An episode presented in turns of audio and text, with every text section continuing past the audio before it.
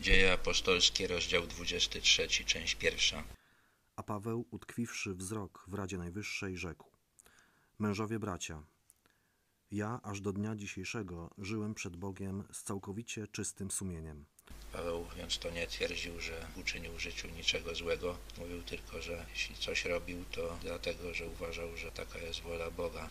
Tak robił, kiedy prześladował chrześcijan i z tego powodu stał się chrześcijanem, zaczął głosić Jezusa. Lecz arcykapłan Ananiasz rozkazał tym, którzy przy nim stali, uderzyć go w twarz. Wtedy rzekł Paweł do niego: Uderzy cię Bóg, ściano pobielana. Zasiadłeś tu, aby mnie sądzić według zakonu, a każesz mnie bić wbrew zakonowi? Paweł nie przyjął tego rozkazu pobicia go bez sprzeciwu. Powiedział, że Ananiasz jest ścianą pobielaną. Żydzi pobielali ściany, żeby ukryć jakieś ich wady. Tutaj też właśnie Paweł chce powiedzieć w ten sposób, że Ananiasz stara się sprawiać wrażenie świątobliwego człowieka, a w gruncie rzeczy jest zepsuty i grzeszny. Ci zaś, którzy stali obok, rzekli: Arcykapłanowi Bożemu złorzeczysz? A Paweł rzekł: Nie wiedziałem, bracia, że to arcykapłan. Napisano bowiem: O przełożonym ludu twego źle mówić nie będziesz. Być może Ananiasz nie miał na sobie stroju arcykapłańskiego, być może Paweł wiedział, że Rzymianie chcą usunąć go z urzędu. Nastąpiło to mniej więcej w tym czasie, kiedy działy się te wydarzenia. Być może to była taka ironiczna aluzja do jego losu przyszłego. Paweł, świadomy, że jedna część składa się z saduceuszów, a druga z faryzeuszów, zawołał przed Radą Najwyższą: Mężowie bracia, ja jestem faryzeuszem, synem faryzeuszów, jestem sądzony z powodu nadziei i zmartwychwstania. Paweł wiedział, że faryzeusze i saduceusze są ze sobą skłóceni na gruncie doktrynalnym, pewnie nie tylko na tym, i postarał się wykorzystać to, żeby wywołać spór między nimi. A gdy to powiedział, powstał rozdźwięk między faryzeuszami a saduceuszami i zebranie się rozdwoiło. Saduceusze bowiem uczą, że nie ma zmartwychwstania ani anioła, ani ducha, natomiast faryzeusze uznają jedno i drugie. Wszczął się tedy wielki krzyk, a niektórzy z uczonych w piśmie ze stronnictwa faryzeuszów zerwali się i spierali się za wzięcie, mówiąc: Nic złego nie znajdujemy w tym człowieku. A może mówił w nim duch albo anioł? Stało się tak, jak Paweł sobie życzył. Zebrani zaczęli się kłócić między sobą. Niektórzy faryzeusze do tego stopnia brali go w obronę, że twierdzili, że nic złego nie robił.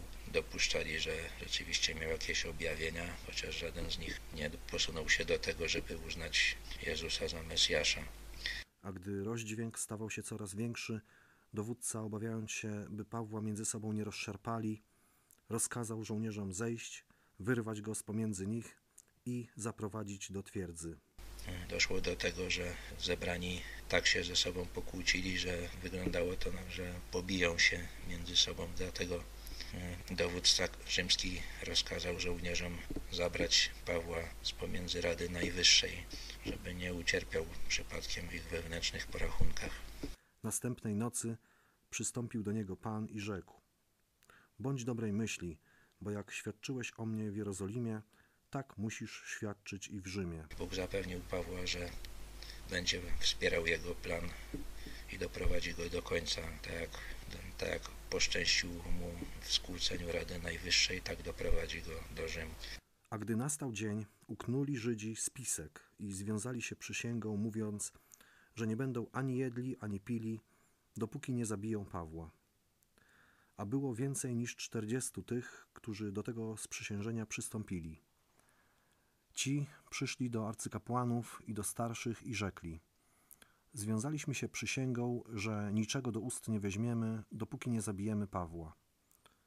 Przeto wy teraz wraz z Radą Najwyższą skłoncie dowódcę, aby go przyprowadził do was niby dla dokładniejszego zbadania jego sprawy.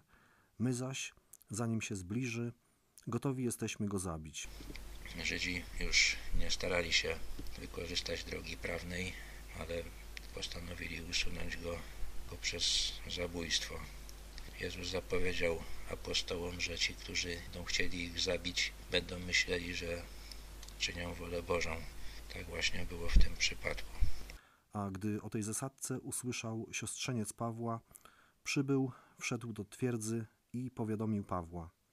A Paweł, przywoławszy jednego z setników, rzekł: Zaprowadź tego młodzieńca do dowódcy, bo ma go o czymś powiadomić. Ten siostrzeniec raczej nie był chrześcijaninem, ale więzy rodzinne okazały się silniejsze niż lojalność wobec wyznawanej religii. Paweł jako rzymski obywatel traktowany był z szacunkiem, że nawet mógł wydać polecenie rzymskiemu setnikowi, czyli oficerowi i ten go posłuchał.